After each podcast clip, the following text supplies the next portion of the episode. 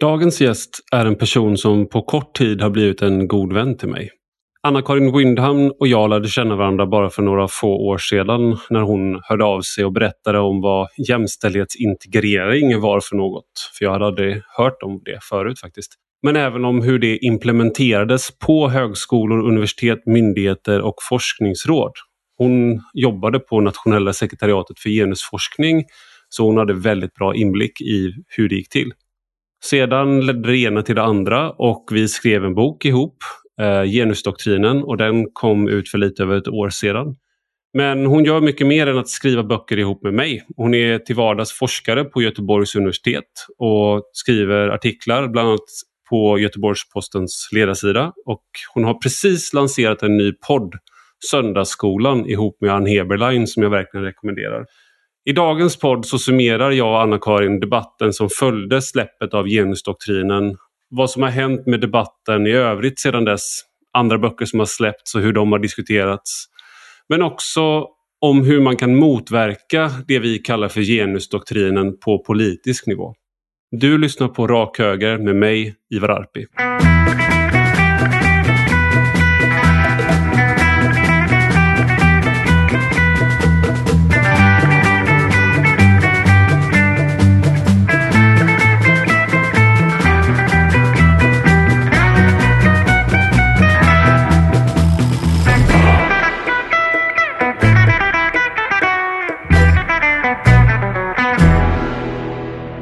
Välkommen Anna-Karin Windham till Rak Höger.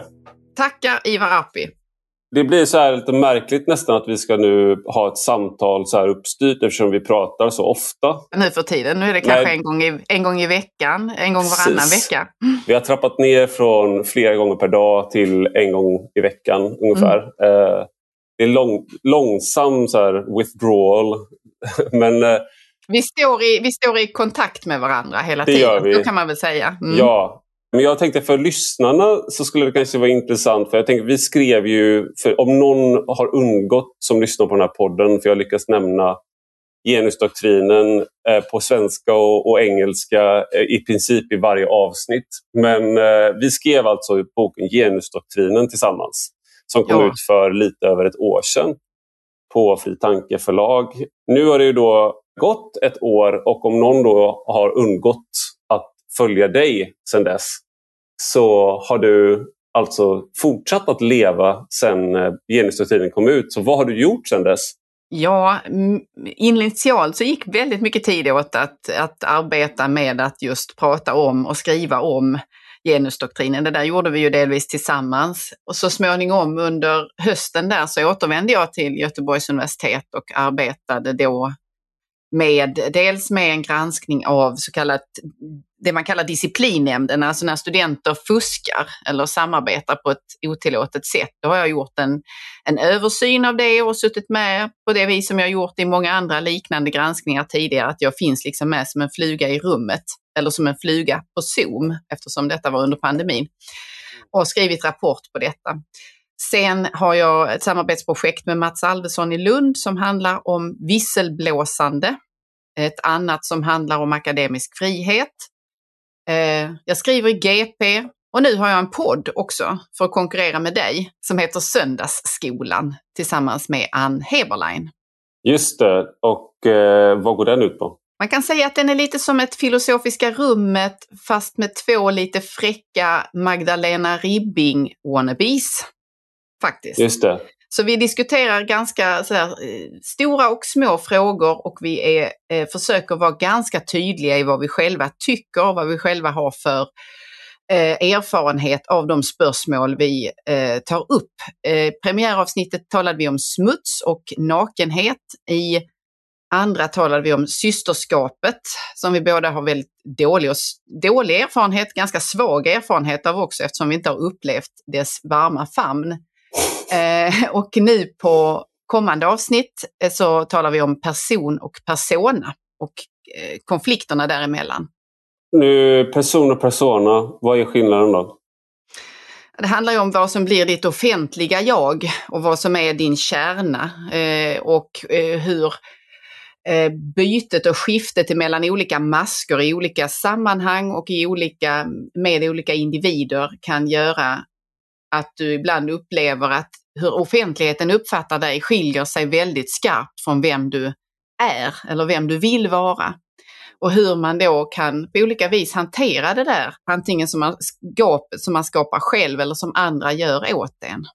En sak i genusdoktrinen som var som jag är mest eh, tyckte att gjorde den mer unik än många andra böcker, det var ju att du skrev den och att dina erfarenheter från eh, Nationella sekretariatet för genusforskning och att du också arbetade med jämställdhetsintegrering medan vi skrev boken, att du hade ett sådant uppdrag.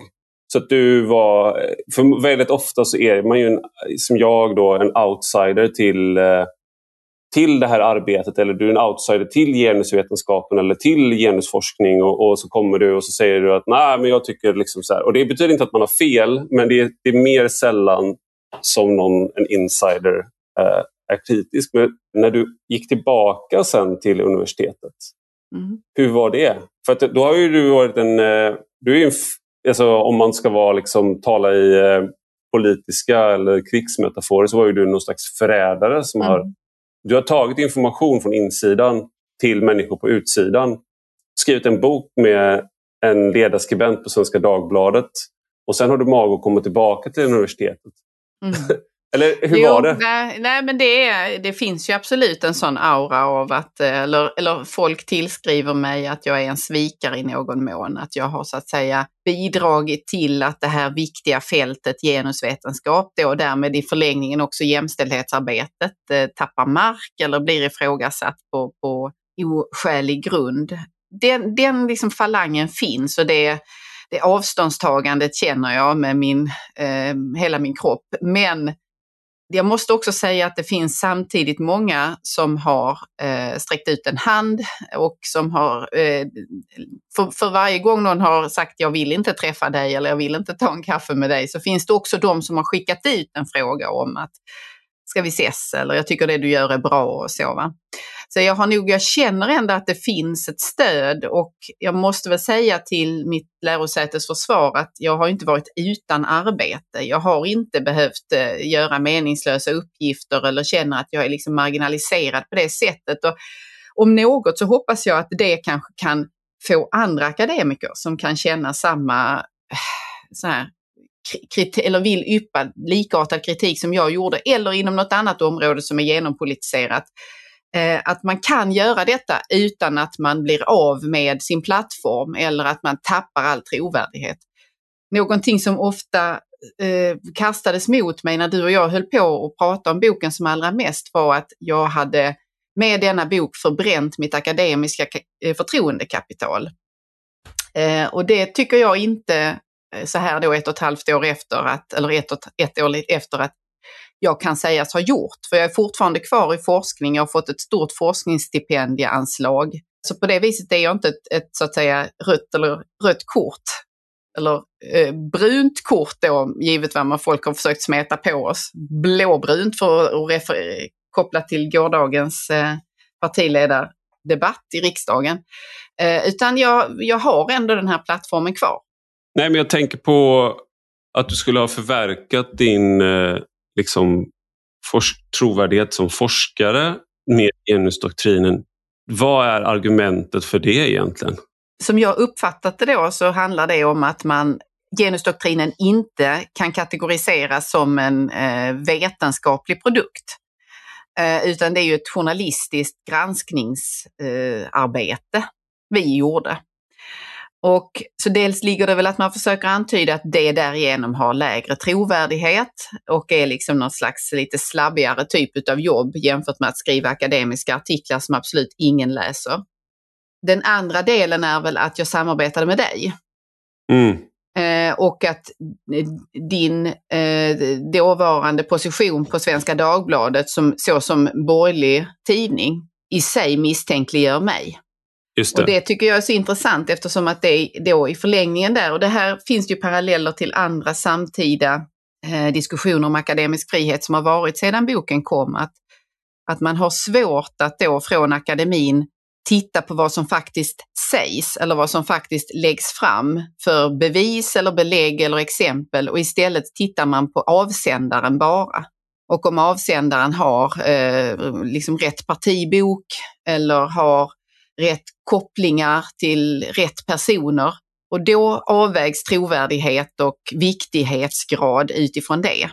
Jag läste en bok som heter The Revolt of the Public av Martin Gurri. Jag vet inte om det är så man uttalar hans, hans namn. Han är före detta CIA-analytiker eller omvärldsanalytiker, detta underbara, eh, denna underbara yrkestitel. Och så skrev han den här boken 2014 och då anses han ha liksom förutsett Donald Trump och Brexit och många av de här sakerna. Men en, någonting som han återkommer till är just att etablissemanget är kvar i en, eh, och då menar han liksom experter, universitet, politiker, myndigheter, eh, militär, polis. Man är kvar i den moderna staten som byggdes upp under 1900-talet med en hierarkisk uppbyggnad. Så att säga. Du har en expert eller en, en myndighet eller en politiker i toppen och sen har du då medborgare som är slash undersåtar som tar emot information. Eh, en journalist sitter i tv och berättar på nyhetssändning hur läget i världen är. Han tar som ett exempel, eh, nu glömmer jag vad han heter, jag tror det är Cronkite han hette som var ett sånt där legendariskt nyhetsankare i Walter USA. Cronkite. Ja, Walter Cronkite, ja precis. Och han avslutade sina nyhetssändningar med att säga “and that's the way it is”. Mm. Uh, och det är ju extremt otidsenligt idag i och med att du har en konstant nyhetsflöde med sociala medier och du har tillgång till nyhetsmedier över hela världen. Men samtidigt så har då sociala medier, internet, digitalisering och allt det där gjort att vi människor i gemen förväntar sig delaktighet. Man förväntar sig att bli lyssnad på och man förväntar sig och man deltar i samtal hela tiden. Jag tänkte mm. på det med, med då det här att en bok som kommer som inte har gått igenom det här. Det, det finns ju en sån här, det återkommer väldigt ofta i att om det inte har gått genom peer review, då, om du inte har gått genom exakt den här processen så vägrar man befatta sig med det som sägs. Mm. Oavsett om det som sägs är korrekt eller inte. Det är liksom vid sidan av. Det finns en process här där du måste ha gått igenom en viss, eh, liksom, du måste ha skett på ett visst sätt. Kakan ja. måste ha, oavsett hur kakan smakar så måste liksom, de olika stegen för hur man har knådat degen måste ha, ja. ha gått till på ett visst sätt. Jo, nej, men det där är ju liksom en, en, det bygger ju delvis på en lögn eftersom väldigt många av de granskningssystem som man har som ska säkerställa att det som kommer ut ur det peer, peer reviewade och det granskade, fackgranskade ändå inte riktigt håller måttet eftersom att det visar sig att den biasen då som du och jag kritiserade eh, i fråga om jämställdhetsintegreringen och i styrforskningsstyrningen den finns också i de här redaktionsråden där man blir eh, frälst på sin egen teori och så att säga bejakar texter även om de innehållsligt och i, i både frågeställning och slutsats kommer, eh, är helt liksom tokiga och verklighetsfrånvända och det är uppenbart att det här är någon som redan har bestämt vad man ska komma fram till, så släpper man igenom det. Mm. Och det är det som gör att den här, eh, att man håller så hårt i att det som ska vara peer reviewat att det skulle vara någon slags kvalitetsgarant. Det är det inte alltid. Sen har man ju också, om man nu skulle säga så att det inte, om det har en journalistisk touch, eh, då är det inte trovärdigt på samma vis. Då har vi ju flera olika case i, i närtid som vi i så fall vore utan. Alltså Macchiarini-skandalen till exempel är ju, kom ju i ljuset tack vare journalistiskt arbete delvis. Thomas Quick är ett annat sånt ja, fall, där mannen som slutade ljuga till Exakt. exempel. Och det Hannes, eh. var det Hannes Råstam som skrev Mannen som slutade ljuga och eh, vad heter han som skrev om eh, apatiska barn? Ola Sandstig Exakt. var det väl? Mm. Ja. Och där man i andra änden av dessa granskningar har forskare som förfäktar precis det du säger. Att det som kommer ifrån oss, det är sant, det har trovärdighet, det är så som saker och ting är. Men så kommer de här från sidan, eh, människorna, journalisterna som drivs av som inte förhoppningsvis har den typen av lojaliteter. och som söker då att avtäcka och avteckna sanningen. Eh, och jag tror att vi är, alltså, vi är mer än någonsin i be behov av den typen av granskningar. Ett exempel på den här hur peer review-processen att den är inte fungerar som den ska, det är ju, det finns flera exempel egentligen men ett av dem är att man har reproducerat hållbarhetskrisen. att många rön inte, som då har blivit stora, inte sen går att replikera. Ett, ett av mina favoritexempel är att man har en, en bestämd mängd viljestyrka och om du tröttar ut viljestyrkan så, så blir du sämre på att stå emot impulser. Och då, då, har man gjort olika experiment med till exempel att man satt nybakta kakor framför deltagare och vissa får avstå från att äta kakorna. Vissa får äta kakorna och sen ska de testa liksom hur länge de orkar en mental uppgift. Och Det där tyckte jag var ett fantastiskt eh, som forskningsrön. Då, att de som tvingades avstå kakorna men, liksom, men kände lukten av dem, de var sämre. Då, de hade mindre uthållighet. Men det där verkar inte gå att replikera. Det finns flera sådana saker som inte går att replikera. Det är det ena då, där man har det har väl inte att göra med peer review, men det har visar, visar begränsningar i vetenskapliga processen för att kolla vad som är kvalitet och inte. Kanske mer relevant för det här är det här eh, forskningsprojektet, får man väl kalla det, som kallas för The Grievance Studies mm. av Peter Boghossian, James Lindsay och Helen Pluckrose. De skrev 20 forskningsartiklar och det började med The Penis as a Social Construct som de skrev innan det här då, och lyckades få in i eh, en vetenskaplig journal och den gick igenom peer review. Och den här Grievance Studies då visade ju liksom att eh, de lyckades få in ett antal helt galna studier i liksom vetenskapliga journaler. De gick igenom peer review och de hade mm. antagligen kunnat fortsätta länge till om inte Wall Street Journal, tror jag det var, som kom dem på spåren och avslöjade det hela i förtid. Och just i dagarna så blev eh, Peter Bukowski, han sa upp sig från sitt jobb på Portland University för att det var liksom en ohållbar arbetssituation. Det har inte du behövt göra än på Göteborgs Nej. universitet. Nej, det finns skillnader. Men det där ja. visar ju då att peer review-processen kan bli, den är inte felfri utan det kan vara så att sitter man och har samma perspektiv. Det finns faktiskt likartade skandaler i Sverige. Eh, där en eh, didaktisk tidskrift eh, sprungen, eller som var eh, utgångspunkten var Högskolan i Jönköping där en professor Thomas Kroksmark som drev denna under många år hävdade sig ha ett redaktionsråd och en granskning vilket gjorde att många doktorander skickade sina texter. Det räknades alltså som någonting viktigt och värdefullt att publicera sig i denna tidskrift och det kunde då läggas in i avhandlingsarbeten och liknande som exempel på vetenskaplighet. Det var bara den lilla detaljen att han eh, aldrig använde det där redaktionsrådet eller direkt granskade något så att den som skickade in blev så att säga ganska snabbt publicerad utan att alls få ändringsförslag och kvalitetssäkringsförslag och sånt där, eller påpekanden. Eh, och det där var en rätt så stor grej egentligen, men jag vill mena att det inte fick den uppmärksamheten. Han prickades också för att han inte hade, eh, redligheten hade brustit så att säga. Men man höll lite tyst om det vill jag nog mena inom det akademiska fältet. Varför frågar man sig? Ja, därför att det var ju många som hade fyllt sina CVn med texter publicerade i just denna tidskrift. Så att det byggs liksom ett slags, man är beroende av att de här finns, de här tidskrifterna, må de vara dubiösa i sitt sätt att säkerställa vetenskaplighet och eh, redlighet i hur den forskningen har kommit fram. Så precis det som Grievance Studies-gänget visade är jag ganska övertygad om finns i många andra publikationer också.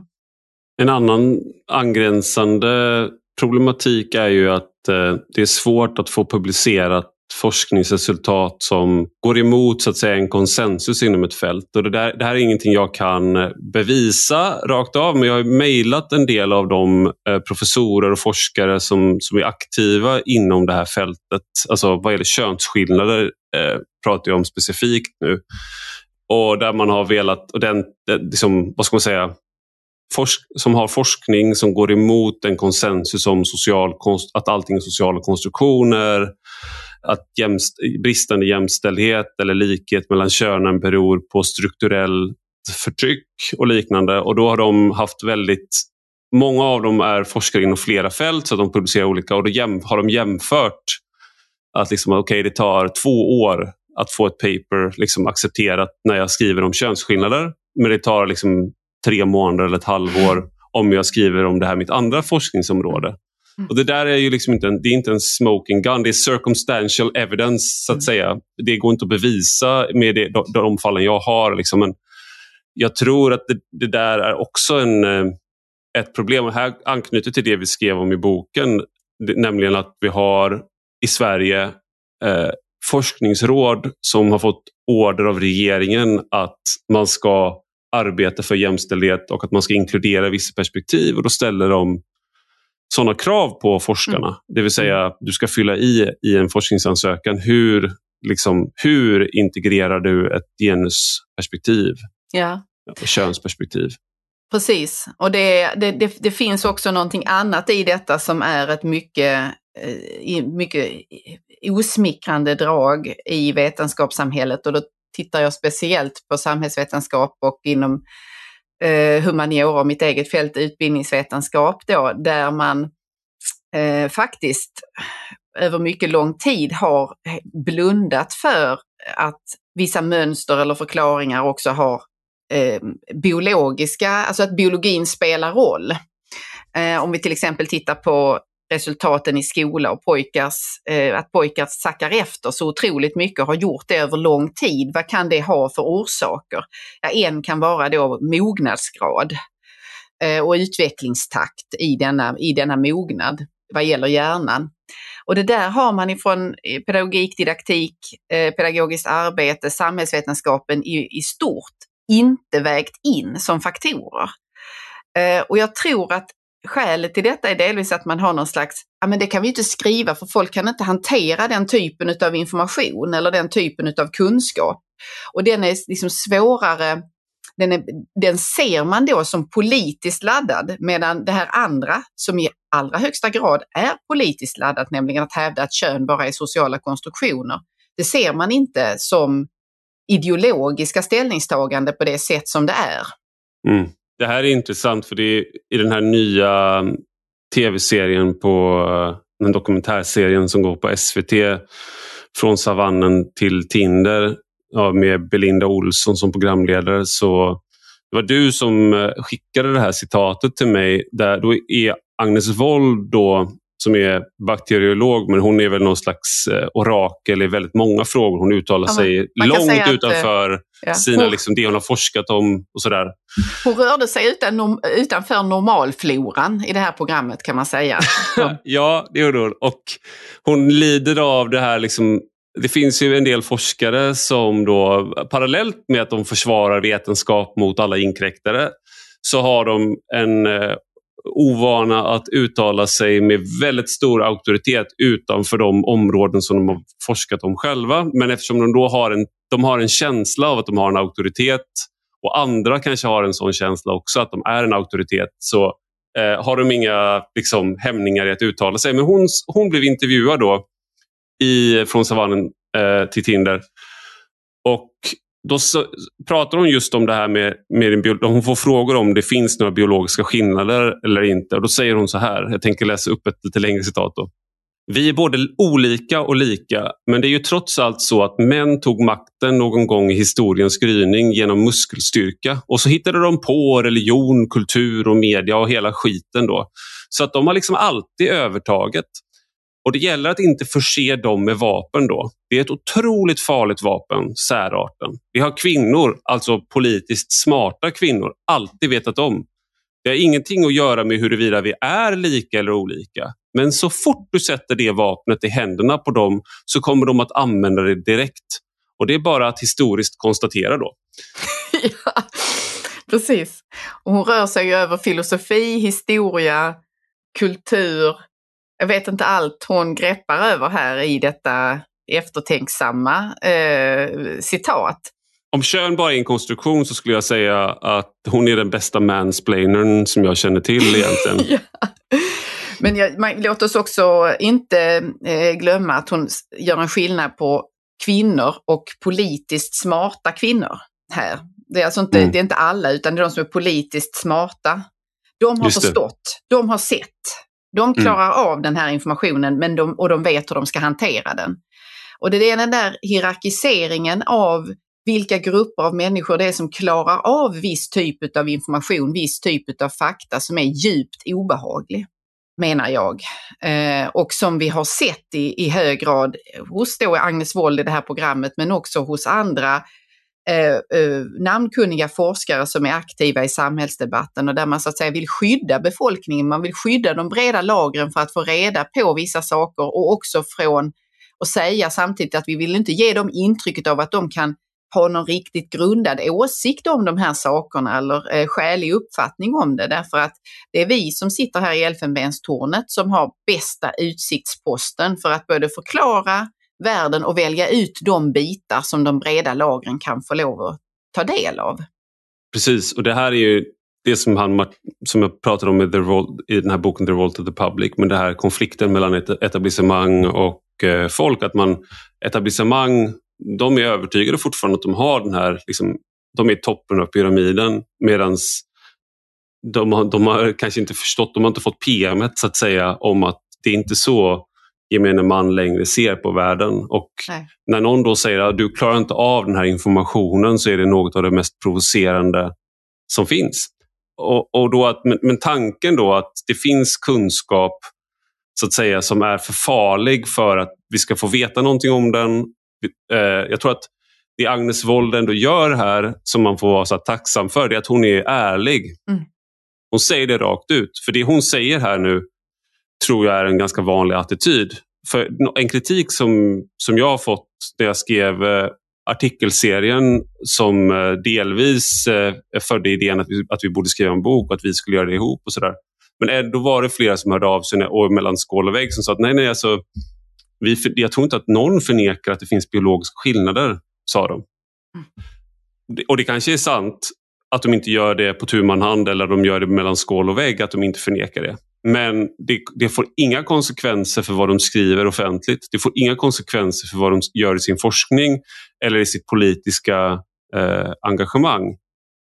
Och då är det just att det finns en sanning som då är liksom som man eh, för vissa och sen är det någon, ett projekt som vi, som, vi, som vi gör där vi liksom, som är för gemene man för att det är för farligt för eh, vanligt folk mm. med den här sanningen. Precis, ja det är ju, ett, det är ju egentligen ett, det man gör för gemene man och kvinna är ju ett slags utbildningsprojekt istället. Och det är ju delvis det som du och jag kritiserar och avtecknar genusdoktrinen, alltså att man har i grunden en idé om hur samhället på sikt bör eh, eh, konstitueras eller se ut och hur eh, människor ska betrakta varandra och hur man ska förhålla sig till varandra. Det är just den delen som är så, eh, den, den, är på något sätt både odemokratisk och därför också oaptitlig eftersom man inte så att säga tillmäter eh, varje individ den möjligheten att fatta sina egna beslut eller att ha kapacitet att kunna tänka kring den, den information och kunskap som finns och sen agera utifrån det. Så att det, det, det finns ju en slags förnoben attityd här i, i allt det vi nämner som eh, vi båda vände oss väldigt emot och som var grund till att boken skrevs. Jag ska inte prata om eh, Substack som jag då skriver för numera. Och det innebär att jag skriver för mina prenumeranter. Det är min arbetsgivare. Jag har ingen redaktör. Jag har ingen chef. Jag är min egen chef.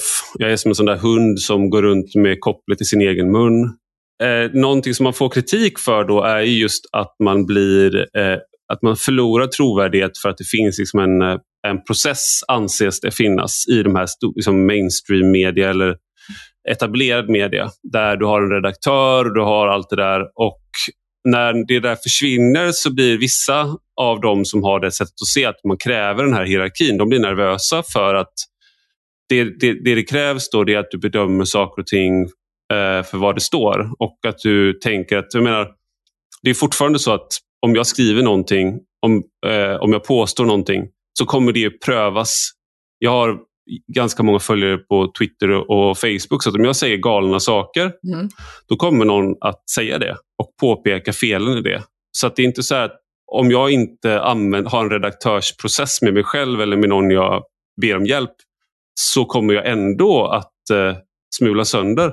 Mm. Detsamma gäller ju genusdoktrinen när vi skrev den, att även om vi inte hade en peer review-process, om vi bara då skulle ha släppt liksom all kritisk tanke, då mm. skulle vi aldrig, den, ingen skulle ha velat läsa boken och de som hade läst den och tyckt vad är det här för smörja? Det man vill uppnå med en peer review-process eller med redaktörskap, det går ju att uppnå, uppnå på andra sätt också.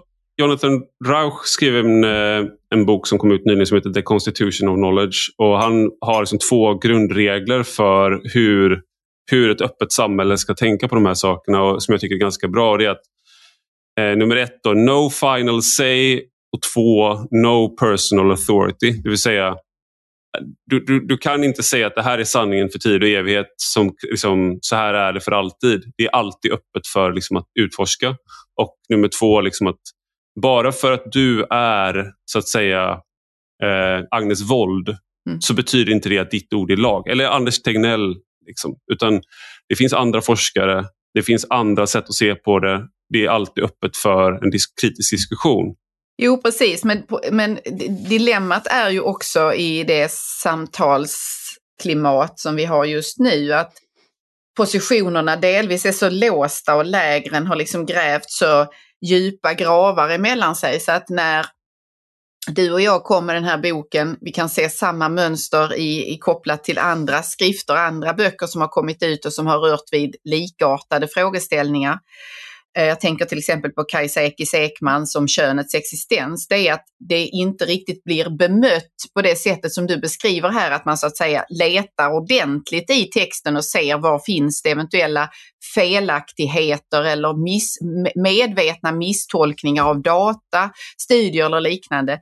Utan kritiken som kommer från eh, då, eh, det andra lägret, om jag säger så svepande, det är istället att, att det här är bara fel för att det är fel så att säga. Eller att det är fel för att det är fel person som skriver det. Man har inga problem att fästa fula etiketter på upphovspersonerna till eh, då texter eller till eh, di, eh, de som för diskussioner som rör vid känsliga områden. Och det gör ju att man är ju som, som du och jag hamnade i då, att det, det är väldigt svårt att föra det resonemanget för att den andra parten inte riktigt vill diskutera texten i sig utan man diskuterar bilden av texten och bilden av personerna som, som står bakom den här då. Apropå just vad vi talade om inledningsvis om person och persona. Mm. Eh, och det tyckte jag var liksom en svårmanövrerad terräng när du och jag skulle försöka dels få igång en diskussion om detta och sen försöka svara på de eh, mycket fula texter som skrevs om vår bok. Jag vet inte hur du uppfattade det där. Du är mer van vid den typen av eh, slagsmål.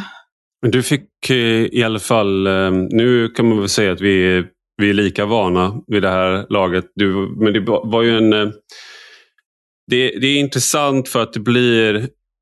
Ta Kajsa Ekis Ekman som ett exempel. Jag, menar, jag, har, jag har invändningar mot hennes bok som har att göra med när hon avfärdar vissa biologiska argument.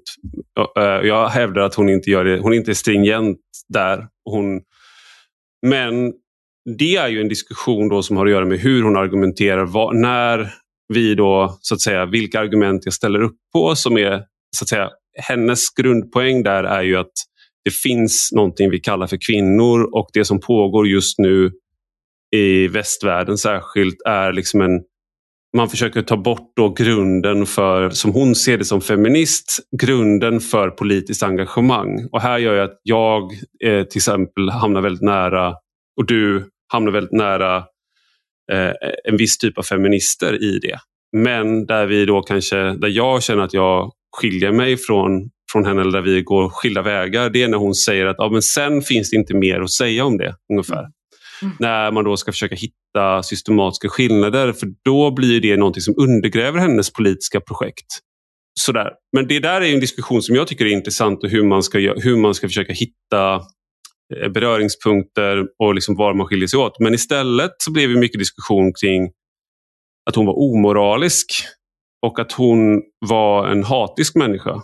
Eh, att hon eh, förnekade existensen av då transmänniskor och att hon med sin skrift eh, skapade en otrygg miljö för dem och eh, i förlängningen eh, riskerade livet på dem ungefär.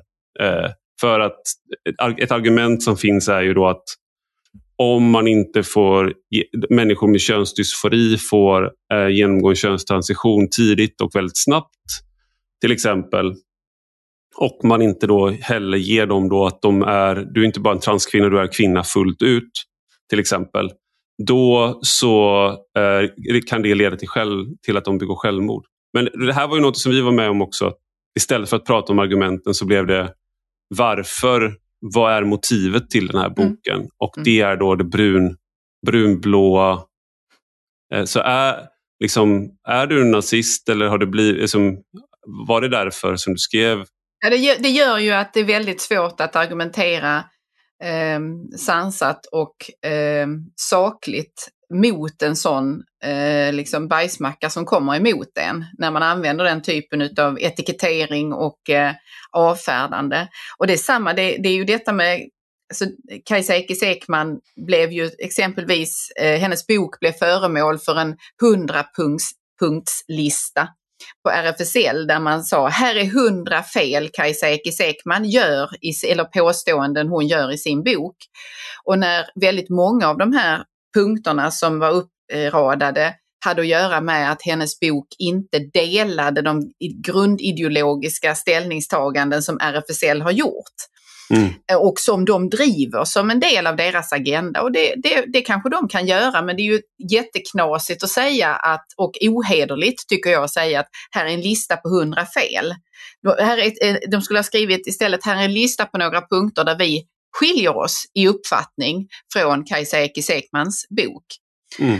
Och det, jag tycker att de som, som lyssnar och har följt den här diskussionen tidigare och kanske intresserar sig för frågan kan ju också notera att Nationella sekretariatet för genusforskning som är en av huvudaktörerna vi granskar i boken har ännu inte så att säga, det finns ingen text från denna avsändare, ingen debattartikel, inget offentligt där man bemöter den kritiken som vi kommer med. Eh, punkt för punkt på det sätt som vi talade om tidigare, att man faktiskt så att säga berättar vad gör de, vad är bevekelsegrunderna för detta? Detsamma gäller Jämställdhetsmyndigheten. Går man in och tittar på Nationella sekretariatet för genusforsknings hemsida så är den oerhört tunn numera. Det är väldigt svårt att få grepp om vilka som arbetar där och vad de gör och vad de har för historik i vad de har gjort. Och deras eh, hemsida eh, rensades på väldigt mycket material i samband med att du och jag gjorde den här boken och började eh, gräva runt där. Mm. Och behöver man sopa igen det man har gjort på det här viset så, så är det nog rimligt att anta att man eh, inte har 100% rent mjöl i påsen. Alltså, internet glömmer aldrig och det är inte skärmdumpar man pratar om då utan det finns alltså Web Archive eller och det finns olika Wayback Machine i ett annat verktyg där du kan se hur en hemsida såg ut längre tillbaka. Eh, så om någon vill liksom, kolla upp det vi säger om att de har rensat sin sida så kan man gå in på Wayback Machine och kolla hur sidan förändrats. Men det här tror jag också är, jag, ska, jag är en repig skiva nu men det är min nya teori om världen det här. Men att det här kommer också se hur man då istället för att vara transparent och lösa den här utmaningen så att säga från att det är fler granskar, fler kollar. Folk skriver på Twitter, folk skriver på Flashback, folk skriver på Facebook, folk skriver på bloggar, folk gör poddar. Liksom, du kan hantera det på olika sätt. Ett genom att bli, eh, bli mer transparent, bli mer öppen för diskussion. Risken med det är att det kan visa sig att kejsaren är naken till exempel. Eller att du blir utmanad på ett sätt som tvingar dig att ändra dig och att folk upptäcker det. Ett annat sätt är att dra sig tillbaka och att då bli mer otillgänglig så att den här kritiken som kommer, att du helt kan avfärda den utan att bemöta den. Då kan du göra det till exempel som sekretariatet har gjort, att du, du är helt enkelt mindre transparent. Du gör mm. inte de här, lägger inte ut massa intervjuer, du lägger inte ut grejer på Instagram längre, du lägger inte ut sådär som de gjorde tidigare. Ett exempel på det var ju det här, det var ett, vi blev ju varse med hjälp av en källa att det hade varit ett seminarium om genusdoktrinen på mm. Stockholms universitet var det va? Mm. Och då var det ju en massa genusvetare och de hade då haft ett eget seminarium men de bjöd inte in oss och de bemötte ingenting i offentligheten. Så det blev någon slags, eh, i sitt trygga rum då så kunde de tänka sig att diskutera det här. Ja precis, Nej, men det där är ett mönster som går igen jag har ju ändå koll rätt mycket på vad som händer i vilka seminarier som arrangeras och eh, sammanhang som det bjuds in till och så. Och eh, det förekommer en hel del samtal om akademisk frihet med precis den underproblematisering som, som du och jag eh, gör. Möjligen inte bara med koppling till jämställdhetsintegrering, men så, vad är, vilka är hoten mot akademisk frihet och så vidare? Är den hotad idag? Eh, och det jag noterar är ju att det är Eh, det är väldigt försiktiga diskussioner. Det är väldigt sällan så att någon som är öppet kritiskt på det vis som jag har varit och som du är, eller andra också för den delen. Det finns ju några röster till inom akademin som har bjudit den typen av motstånd i texter och liknande.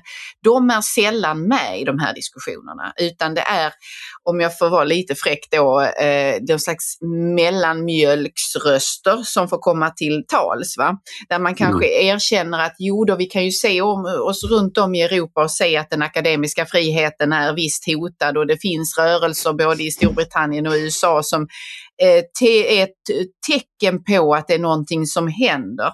Men de här fallen vi har haft i Sverige, alltså flagranta fall på att forskarens frihet kringskärs och på att man får vara väldigt försiktig med hur man väljer sina ord. Man får vara försiktig när man frågar på, svarar på studenters frågor och hur man navigerar lokalt på institutionen när man väljer forskningsprojekt, när man väljer samarbetspartner, vem man talar med i offentligheten och så vidare. Dessa fall talar man försiktigt om eller inte alls. Och det, det tycker jag faktiskt är en fortsatt feghet ibland och hos mina kollegor, att man inte vågar prata om det, att man inte ens vågar bjuda in och ha ett seminarium kring det. Vi har ju då en återkommande kritik som jag har fått och som liksom du också har fått och vi, vår bok kritiserades för var ju att vi ville ha det som i Ungern och att man jämförde då det vi skrev med Ungern. Vad tänkte du om den kritiken? Jag, jag tänker att det, det, är någon, den som säger så har ju för det första inte läst boken. Och för det andra, om jag vore i Ungern så hade jag stått utanför eh, institutionerna med genusvetenskap och försvarat dem. Därför att det är precis den typen av politisk styrning och där, där politiken kommer och skär bort delar av akademin eller förbjuder vissa sätt att tänka, vissa frågor och perspektiv som jag med, med, med eh, all min kraft har försökt att reagera mot och som vi ju gör i boken och det är så vi har argumenterat. Mm. Så att om, om liksom politiska krafter i Sverige skulle börja argumentera för att vissa eh, discipliner och vissa akademiska fält bör politiken besluta eh, om att de ska avfinansieras eller försvinna, då är det helt fel väg att gå. Däremot behöver man säkra upp kvalitetskontrollen, apropå det vi pratade om innan, så att inte sånt som inte håller måttet och som är så att säga politiska inlagor snarare än vetenskap. Det behöver man kvalitetskontrollera bättre. Men det är två olika diskussioner. Vad tänker du om det?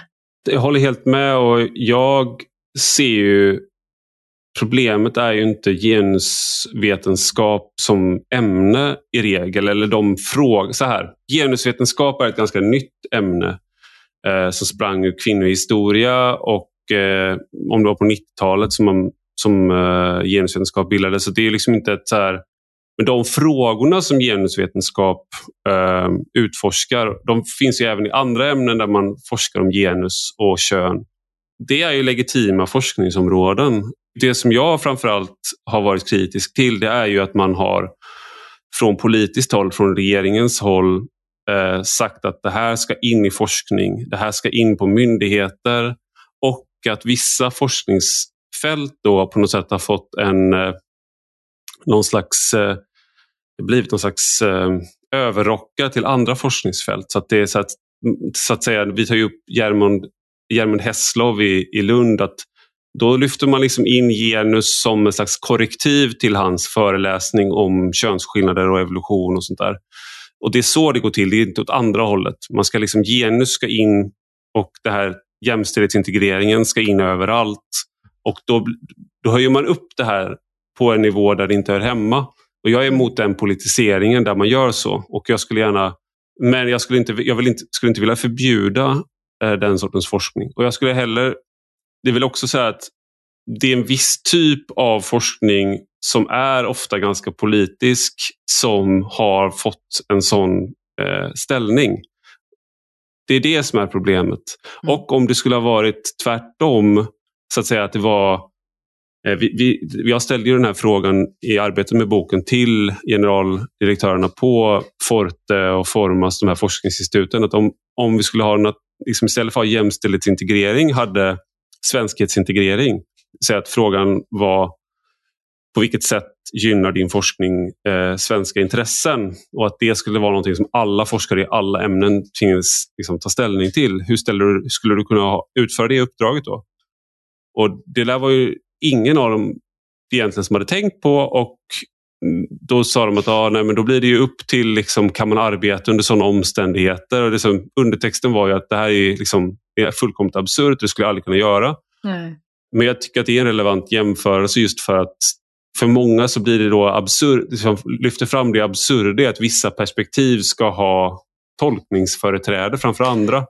Ja, och sen, precis. Och sen är det ju också så att det där förstärks ju. Det handlar inte, för man kan ju tänka så här att Eh, lyssnaren eller läsaren tänker att ah, det där är ändå bara så perifert. Det, det, det, berör inte mig egentligen, för jag är inte en forskare. Jag kommer inte söka några medel hos VR eller Forte eller något liknande. Men det är ju inte bara där det stannar utan vi ser ju också, om man tar en sån sak som att eh, myndigheter eller akademiska institutioner eh, hbtq-certifierar sig. Det låter ju vackert och eh, värdigt och medmänskligt och sådär på ett sätt att göra någonting sånt. Men om man tittar till hur eh, utbildningsprogrammen där ser ut och vad de innehåller och vilken agenda de har så är det inte någonting som är Eh, ett så att säga neutralt program som bara handlar om att, att eh, alla människor är lika mycket värda och liknande och att man ska ha ett tillåtande klimat på arbetsplatsen. Och att sexuella preferenser inte ska vara skäl för att man inte får, får uppdrag eller kan klättra i karriären eller liknande, utan det handlar om ett sätt att betrakta människan. Det handlar om ett sätt att, att förstå makt och förstå hierarkier som, som påverkar som varje aspekt av den här arbetsplatsen och de människorna som har att arbeta där.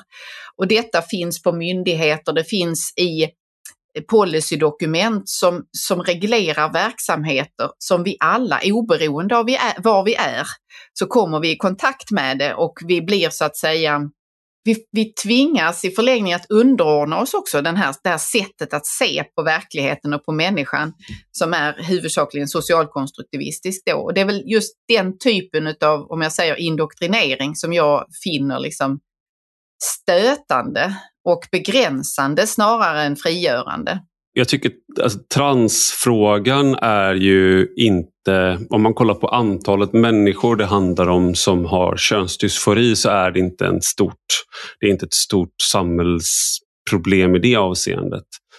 Men det blir en väldigt stor fråga för att just man du måste så att säga ställa upp på ett visst sätt att se på världen även om du inte träffar transpersoner i din vardag till exempel särskilt ofta. Eller sådär. Men du måste ställa upp på ett sätt att se på dig själv, se på kön, se på sexualitet. Där liksom att till exempel då att 1177 avråder vårdpersonal från att använda ordet kvinna. Försäkringskassan skriver om gravida, gravida personer och liknande. Det är en slags in, in, indoktrinering. För Det där är ju liksom ett helt sätt, nytt sätt att se på vad är verkligt? Vem, vad är en människa? Ja, precis. Så det blir mycket mer eh, omfattande än att, så att säga, jag menar, om jag träffar en person som är trans och den personen föredrar att bli kallad, ha ett visst pronomen eller sådär. Så jag, jag gör gärna det. Eh, det är, liksom som respekt för en annan människa. Men det är något helt annat om vi ska prata om det på liksom en övergripande nivå för då finns det någonting som heter kvinnor och någonting som heter män. Och en, trans, en transkvinna är en transkvinna, en transman är en transman. Det är alltså någon som har som har bytt, så att säga. Det finns en transition där. Och, Precis. Och, ja. och det, Nej, men jag kan ta ett konkret exempel, något som jag har noterat. I ett exempel jag sa inledningsvis att jag jobbade med en granskning av disciplinnämnden och där i, i det arbetet så intervjuade jag ett, ett antal in, människor som på olika positioner vid universitetet och pratade om ärenden och hur de här eh, tar sig ut och vad som händer och så vidare. Var, under vilket samtliga hela tiden refererar till studenterna som hen. Nu är det ju så här att den granskning jag gjorde handlade om jämställdhet delvis. Och det är väldigt svårt att göra en sån granskning om man vägrar att tala om studenten som han eller hon. Jämställdhet mellan vilka i ja, så fall? Precis. Så vad, vad, man gör är ju att man binder ris till egen rygg och man försvårar jämställdhetsarbetet genom det här. Och jag är ganska säker på att det här har någon gång gått ut något slags diktat då om att man ska i möjligaste mån inte köna studenterna när man talar om dem, utan man ska referera till hen istället. Och det verkar, det verkar liksom progressivt och att man är medveten och man har rätt tänk och sådär. Men det jag tänker när jag hör det är ju för det första, när du säger hen, var det en hen? Var det en icke-binär person? För att då är det ju intressant och då behöver jag väga in det när jag tänker på vad är det för mönster som utkristalliserar sig här. Eller var det inte det och gör du ett politiskt val i att kalla hon eller han för hen fast hon eller han inte iscensatte sig som en hen? Så att det här, och det där mönstret kan man också, du, lyssnar man på den politiska debatten just nu, inläggen i gårdagens partiledardebatt, så refereras det till hen också när det sannolikt var en hon eller han det handlade om. Mm. Så, så det här, jag tycker det, du gjorde ju nyligen en intervju med Abigail Schreier och apropå boken Irreversibel skada, hon gör ju väldigt mycket av detta med vad sägs i skolorna, vilken, vilka föreställningar, vilken agenda är det som drivs där. Nu är hon ju inte i Sverige och gör sin studie, men detta som du och jag talar om finns också i svenska skolor. Um, och det, det, det finns nog all anledning att fästa strålkastarljuset på det framgent och fundera på vad det är för, för så att säga, drivkrafter och vad det är för agenda som är bakom detta. Det här är väl någonting om man ska vara självkritisk till eh, det, vår bok då, då är det väl att vi, någonting som jag önskar att vi kanske kunde ha utforskat mer som man upp, upptäckte successivt Eh, under bokens, eh, arbetet med boken, det var just den här eh, motsättningen mellan å ena sidan jämställdhetsintegreringen och å ena sidan den här vi måste ha fler kvinnor i, i liksom, eh, ingenjörs, liksom i naturvetenskapen. Vi måste ha fler kvinnor på ledande positioner. Hela den agendan eh, som då går igen i jämställdhetsintegrering och i mycket politisk retorik. Å andra sidan att det inte det finns något kön och att eh, man med det här liksom totalt könsneutrala sättet då att man försöker på något sätt upplösa könet. Mm. Och De här processerna pågår parallellt men de är ju, är ju liksom en... De är inte förenliga mot, egentligen. Nej, de är inte förenliga. Eh, och om du då går för långt så att säga i den ena grejen, då, hur, om det inte finns, och i, i, vid några tillfällen, det var det här jag skulle liksom önska om jag skulle följa upp genusdoktrinen så skulle jag följa upp de här motsägelserna kanske ännu mer. Men just att i vissa dokument som vi granskade minns jag så var det å ena sidan den här jämställdhetstanken som vi kanske är mer vana vid med att det behövs fler kvinnor, det är strukturer som motverkar kvinnor och liknande. Och sen mot slutet så kom det plötsligt att fast vad menar vi egentligen när vi säger kvinnor och män? Egentligen mm. finns det ju liksom, det här är vår västerländska patriarkala könsuppdelning och egentligen så man var, men okej, men vad var, vad var resten av dokumentet här? Det var ju så här myndighetsdokument. Vad var resten av eh, dokumentet här där du skrev om kvinnor och män att det var så viktigt att kvinnor skulle fram? Nej precis, det skulle inte vara några, inte eh, toaletter för damer och herrar, men vi räknar exakt hur många kvinnor och män det sitter i korridoren. Ja. Um, och det, jag tror att hur har det då blivit en sån dubbel ett dubbeltänk i detta som inte är förenligt. Jag gissar att eh, det ena är delvis resten av ett, resterna av ett gammalt jämställdhetsarbete. Där man då också från politiskt håll, i synnerhet socialdemokratiskt håll, har varit besatt av idén om att det ska vara 50-50. Varannan damernas alltså och hela den delen. som i stycken kan ha poänger i alla fall att titta på om det är en väldig skillnad mellan hur många män, hur många kvinnor. Men sen har man i ett eh, skede eh, där man inte tänkt efter eh, bjudit in experter, rådgivare, eh, eh, utredare som, haft, som investerat jättetungt i den typen av teoribildningar som du och jag kritiserar och försöker utreda.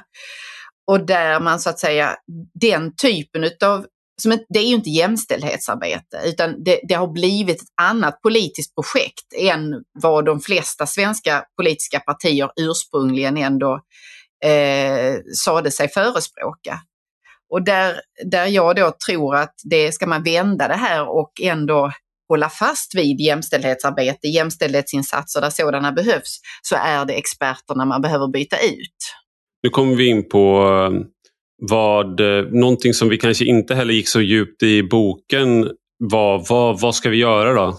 Jag ska bara säga en jämförelse som vi har gjort vet jag eh, är den här, återigen då, vilka sanningar som folk kan hantera. Så kan man se då att kvinna som begrepp då, eller som, som, som utgångspunkt för eh, politik, eh, politiskt subjekt behövs under en övergångsperiod. Mm. Egentligen så finns inte kön. Egentligen så är kön irrelevant. Och det här tycker jag går igen i liksom, kanske Kajsa Ekis Ekmans sätt att se på det. Att kvinna, men egentligen spelar det ingen roll.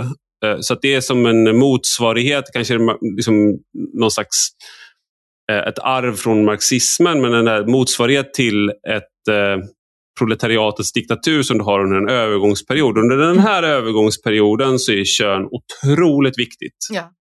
För att bevisa att det inte är viktigt. Så att vi ska kvotera, vi ska göra allt det här ehm, och det gör vi för att kön inte är viktigt. Eh, det är så man tänker, så att det är ett bevis på att kön inte ska vara en faktor som ja. du gör kön till den främsta faktorn. Och det är då tanken att det är liksom en det, det, så att säga, det är stegen vi klättrar upp med men sen kan vi slänga bort stegen när vi väl har uppnått ja, den här ju, jämställdheten. Ja, precis. En, enligt det här synsättet så är vi ju fjättrade, vi är fast, eh, fast i diskurser om kön. Mm. Sätt att tänka om kön. Och då får man väl då erkänna de här diskurserna under en, en temporär period, tillfällig period under tiden som vi omskolar er alla i att tänka att kön inte finns, utan kön är bara effekten av vad vi gör mot varandra och hur vi agerar. Och då etableras en ny diskurs. Och i den kommer könet att spela roll då. Eller finns inte kön så här var det ju med den på, alltså det, det, det här som är den pågående revolutionen hela tiden i, i Sovjet och liknande också. Om man ska mm. göra den jämförelsen att du, när man upptäcker att det klasslösa samhället inte är realiserat då, och du upptäcker olika attityder. Det är rester från den borgerliga, den borgerliga samhällsordningen som fanns innan som du måste bearbeta och omskola människorna till den nya.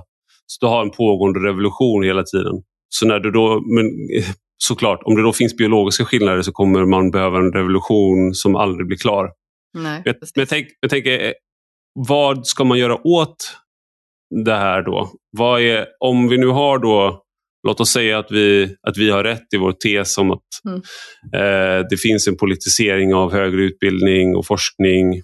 Och myndighetsvärlden. Med, och myndighetsvärlden. Mm. Eh, vad, är lös, vad ska man göra någonting som man kan göra utan att det är, eh, eh, kräver någon slags politisk revolution, det är ju att titta över alla policydokument, alla styrdokument man har och som man låter vara dikterande för verksamheten och i dessa rensa ut formuleringar om normkritik, om eh, intersektionellt perspektiv, alltså det vill säga rensa ut de formuleringar som föreskriver att verksamheten ska styras och regleras utifrån ett visst, eh, en viss vetenskaplig position. Då har man gjort en separering emellan den vetenskapliga sfären och sen styrningen av verksamheten. Och här har man inte varit försiktig, här har man låtit så att säga, man har låtit hela det här språkbruket välla in och påverka policydokumenten. Och där är ju Nationella sekretariatet för genusforskning och Jämställdhetsmyndigheten skyldiga till detta. Men, men jag kan tycka att man har eh, inte bjudit det minsta motstånd från lärosätena. Men så det skulle man kunna börja med att göra. Från politiskt håll så har det funnits en, eh, både sekretariatet och eh, Jämställdhetsmyndigheten i synnerhet existerar ju på grund av politiska uppdrag också som mm. man har. Jag, jag tänkte en kritik som, som jag haft, hade mot att Moderaterna la ner Jämställdhetsmyndigheten eh, i den MKD-budgeten. Det var ju inte att de la ner den utan det var ju att uppdraget eh, bestod. Så ja. det var liksom som en moderat, klassisk moderat grej att det finns för många myndigheter och det är sant. Mm. Men om de hade tagit bort uppdraget eller omformulerat uppdraget eh, tydligt så hade det heller inte kunnat kanske, då hade det varit mer stringent eller då hade det haft en större ideologisk eh, vikt så att säga. Då hade man haft det varit ett större statement. Jag tänker också det här med normkritik, vi, vi har inte sagt det men den här klassiska att man, det finns liksom en rimlig nivå av många av de här sakerna. Att eh, Man pratar ja. om the, the, the Moten Bailey fallacy som, vi har, som jag pratat om innan tror jag i podden. Men att du har liksom ett rimligt argument för så att säga, vad är normkritik? Det är så här, jag tycker att det låter ganska rimligt om man tänker på det som att man ska vara självreflekterande, man ska tänka på vilka normer som finns, att man inte bara upprepar så här, kanske destruktiva saker eller att man är intolerant. Att man har, det är så här rimlig inställning kan jag tycka.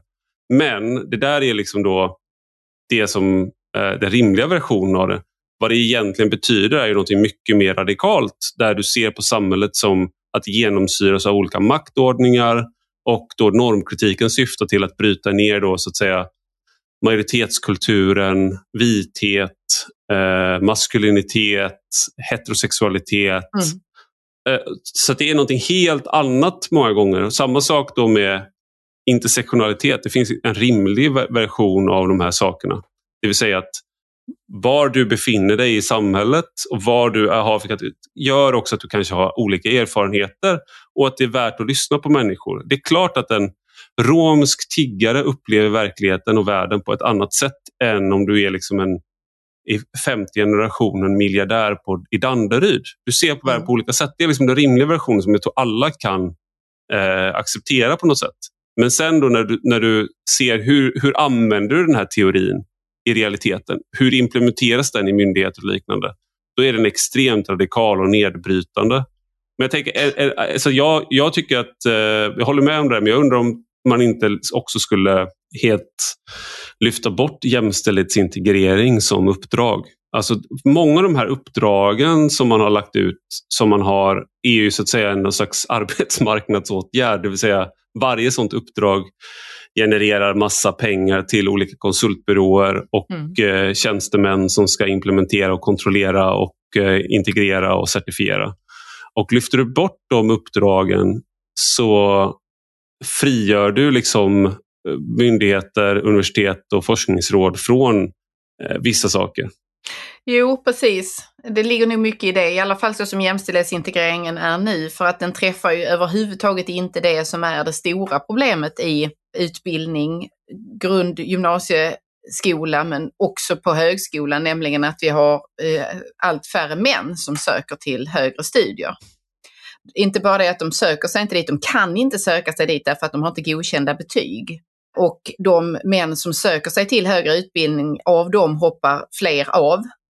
Så vi har fler kvinnor in, vi har också fler kvinnor som tar examen och som därmed kan kvalificera sig till högutbildade jobb och så vidare. Och det där är ju en, en, en typ, typexempel på en sån där sak som vi i Sverige har svårt att diskutera. Det vill säga när analysen inte stämmer längre. Vad, ska vi, vad gör vi då, då? När det är liksom den gruppen som vi har varit vana vid att kalla underordnad, förfördelad och så vidare. Tvärtom är den som tar sig fram och som erövrar positioner och makt och kastar om den här pyramiden som den, eh, maktanalysen bygger på.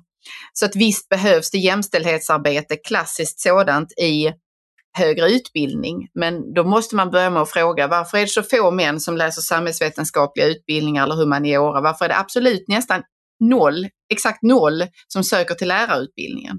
Mm. Eh, och varför har vi totalt sett färre män in i högre utbildning idag? Så, så jämställdhetsintegreringsuppdraget, om det nu alls ska finnas ett sådant, behöver nog liksom göra om sin grundproblemanalys och för det bör de inte fråga Nationella sekretariatet för genusforskning. jag tycker att de här frågorna är väldigt intressanta. Jag har väldigt mycket anekdoter eh, också. Att jag har eh, flera av mina bästa vänner eh, som jag har växt upp med, de klarade inte av att gå ut med... Ehm, de fick inte gymnasiekompetens och jag tror ingen av dem jag känner som jag är nära vän med hade liksom ett betygssnitt som var över typ 14 och då var det då mellan 10 10 var alla godkänt, 20 var alla MVG. Det var innan man kunde få extra på mm. olika sätt. Mm. Och Jag hade själv eh, ganska dåliga betyg. Men alla de här då killarna som jag pratar om fick 2,0 på högskoleprovet och har sen gjort... Liksom, men det var, allting tog längre tid och de kände sig... De var, skolan, gymnasiet var liksom en miljö där det gick dåligt för dem. Och Vi har pratat mycket om varför det var så. Sådär. Men det, och det kan ju vara så att vi då har blivit kompisar med varandra för att vi, var, vi, vi förstärkte vissa beteenden hos varandra och mm. kände igen oss i varandra. Så man har ju såklart en konstig selektion där. Men, det är det som är toxisk maskulinitet, Ivar. Ja, det måste vara det. Men, och sen då, men jag vet att en av mina kompisar han, han fick inte gymnasiekompetens. Nej. Så sen när han, när han gjorde, han, samtidigt som han läste in på komvux så gjorde han högskoleprovet fick 2,0. Då satte han upp det resultatet på kylskåpet liksom, för att mm. påminna sig själv om att han inte var dum i huvudet ungefär. Nej. Och Det finns ju någonting här, men jag undrar om jämställdhet verkligen är rätt eh, så att säga, prisma att kolla på det här genom. För det är någonting i det här, liksom, man leder in tanken. För det finns en, man, vill bli, man blir nyfiken på varför är det så här? Kan vi göra det på något annat sätt? Jo, men, men om man tänker så här då, att den typen av jämställdhetsarbete eller genusarbete som man har eh, dränkt svensk skola i under de senaste decennierna, det, det har i allt högre grad kommit att, skulle jag säga i alla fall, förstärka pojkarnas ehm, eh, det, det, den eftersläpning pojkar har och den svårighet de har att eh, eh, tillägna sig utbildning på, genom det sätt man idag arbetar i skolan, där det är väldigt mycket eget ansvar, det är ganska svag struktur, eh, man måste kunna tänka långsiktigt, eh, planera långsiktigt, apropå det vi talade om innan. Eh, allt detta är svårare att göra för den som eh, är lite efter i mognad. Eh, och, så det innebär att det som man har kallat jämställdhetsarbete i svensk skola har inte på något vis hjälpt det som är det faktiska jämställdhetsproblemet. Eh, så det blir ju precis som du säger eller far efter att det, liksom det är ett problem med etiketteringen här för när man säger jämställdhetsarbete så går tankarna åt en viss typ av insats. Men får vi mer av det i svensk skola så skulle jag säga att det kommer inte på något vis att hjälpa pojkar fram utan det som behövs är en tillbakagång egentligen till en mycket tydligare struktur, mycket tydligare lärarledning. Det gynnar både flickor och pojkar. Så får man till det så kommer fler pojkar att lyckas och fler flickor kommer att bli konstant störda av de stökpojkar som ligger och sprallar på golvet eller gör något annat som de inte borde göra. Och det finns det ju forskning som visar, Fredrik Zimmerman som jag vet att du har intervjuat tidigare och skrivit om, har ju gjort studier på detta och tittat vilka skolmiljöer är det som gör att man optimerar pojkars eh, möjlighet att lyckas. Och då är det undervisningsmetodiken, organiseringen av undervisningen som man måste ändra om. Det är inte det att man ska så att säga ha mer normkritiska övningar eller leka Heta stolen eller någonting sånt där. Ja, det här är anekdotiskt, liksom, men jag, var ju, liksom, hade väldigt, jag, jag tror att jag skulle mått bra av att börja skolan eh, senare och att en viss typ av skola hade nog funkat bättre för mig. Det var ganska rörigt och, och sådär och blev ofta rörigt runt mig också när jag gick i skolan. Och det, det, det här är ju en...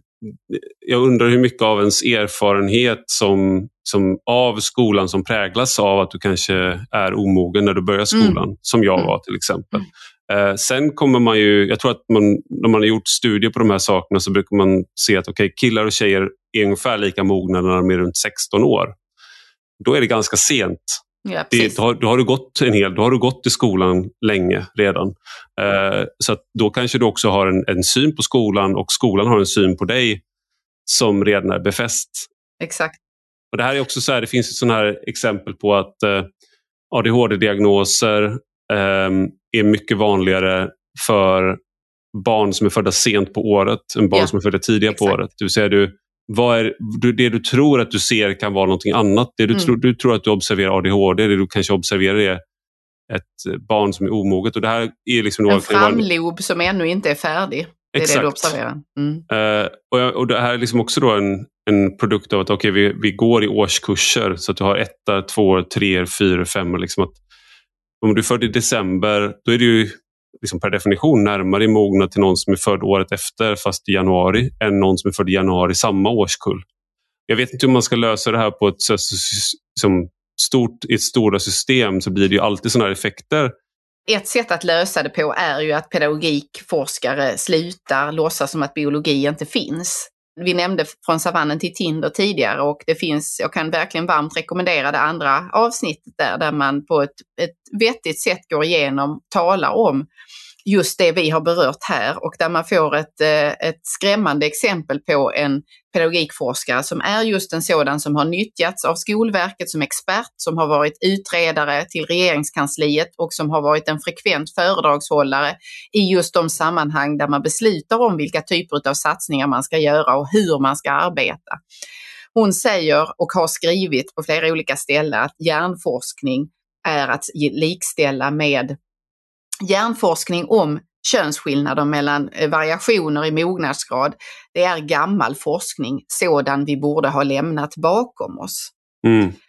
Och sen så blir hon lite pressad på detta och till slut så erkänner hon då att vi kanske måste fundera över det här kunskapsområdet också och om vi inom pedagogiken kanske måste tillägna oss den.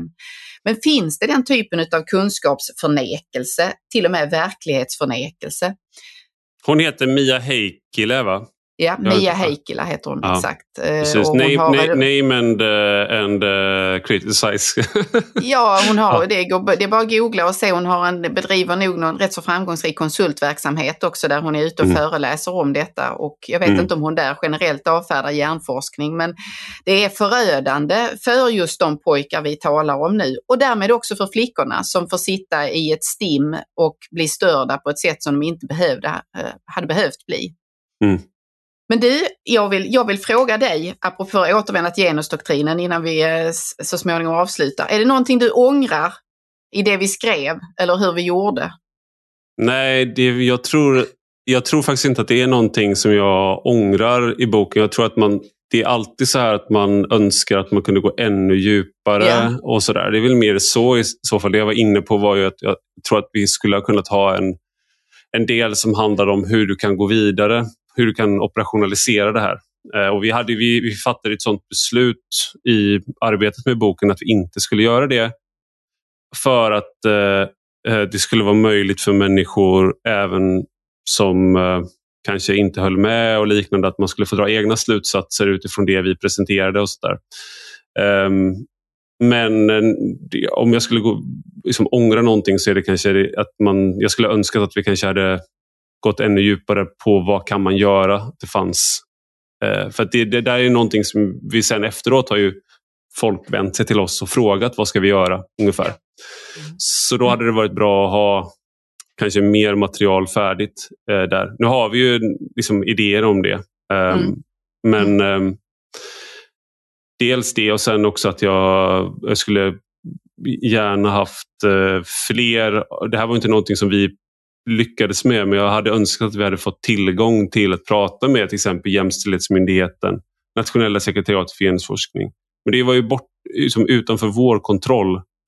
Det var deras Vi fel, gjorde vad vi vårt. kunde där. ja, och själv då? Vad tycker du? Nej, men jag, det grämer mig fortfarande oerhört att vi inte fick till någon debatt eller diskussion med eh, de som vi kritiserar hårdast i boken. Jag tänker på Fredrik Bondestam, Anna Wahl, Jämställdhetsmyndighetens generaldirektör Lena Ag eller ansvariga ministrar. Det, det, det såg jag som någon slags önskebild framför mig, att vi skulle få, få faktiskt stå mitt emot varandra och prata och diskutera. Sen har jag väl tänkt också eftersom att jag har förstått att väldigt många av dem som är väldigt arga på boken och inte alls håller med om någonting i den, de har bara läst inledningen och avslutningen. Och om jag hade vetat det när vi skrev, att de tänkte bara läsa första två sidorna och två sista, så, så kanske skulle, vi skulle ha formulerat oss lite annorlunda där då. Hur skulle jag formulerat oss då? då? Eh, nej, men jag, vad jag är ute efter är eh, kanske att vi är ganska så skarpa, både i inledningen och avslutningen.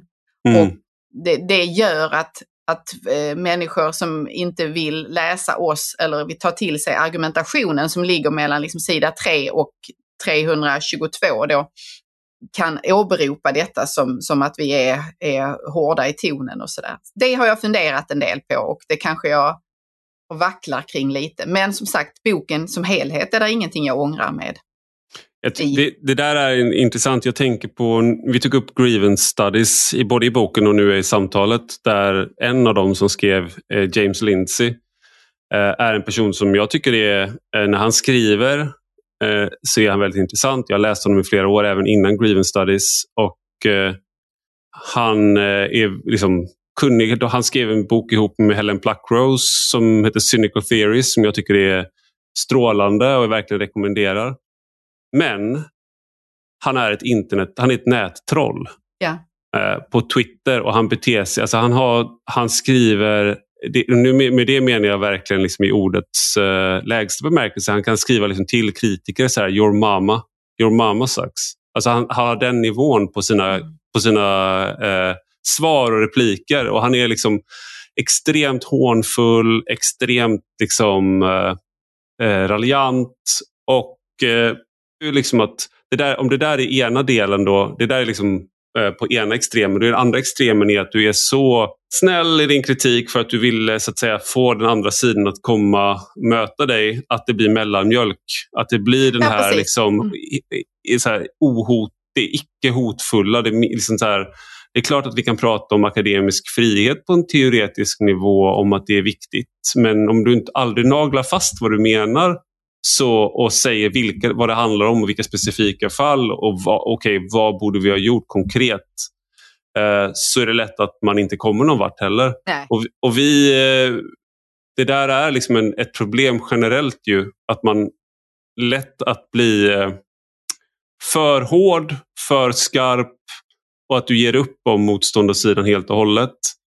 Ibland kanske det är befogat men det är också lätt att stöta bort då eh, samtalspartnern. Och det har, uppenbarligen så har vi lyckats stöta bort samtalspartnern. Då är frågan om hur mycket av det som är vårt fel och hur mycket av det som är deras fel. Men konsekvensen ja, man... har i alla fall varit eh, den.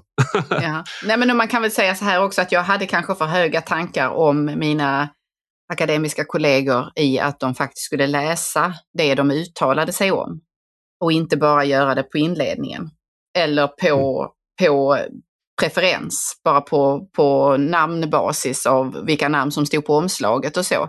Det var väl jag som hade för höga tankar om dem då, för det är ett, någonting som är oerhört slående att människor med högsta akademiska grad och mycket höga positioner uppe i, den, i toppen av olika lärosäten eh, har inga som helst problem att avfärda texter, tänkare, eh, för, författare eller journalister bara på på ett väldigt svepande sätt och utan att egentligen ha satt sig in i det underlag som, som personerna har fört fram.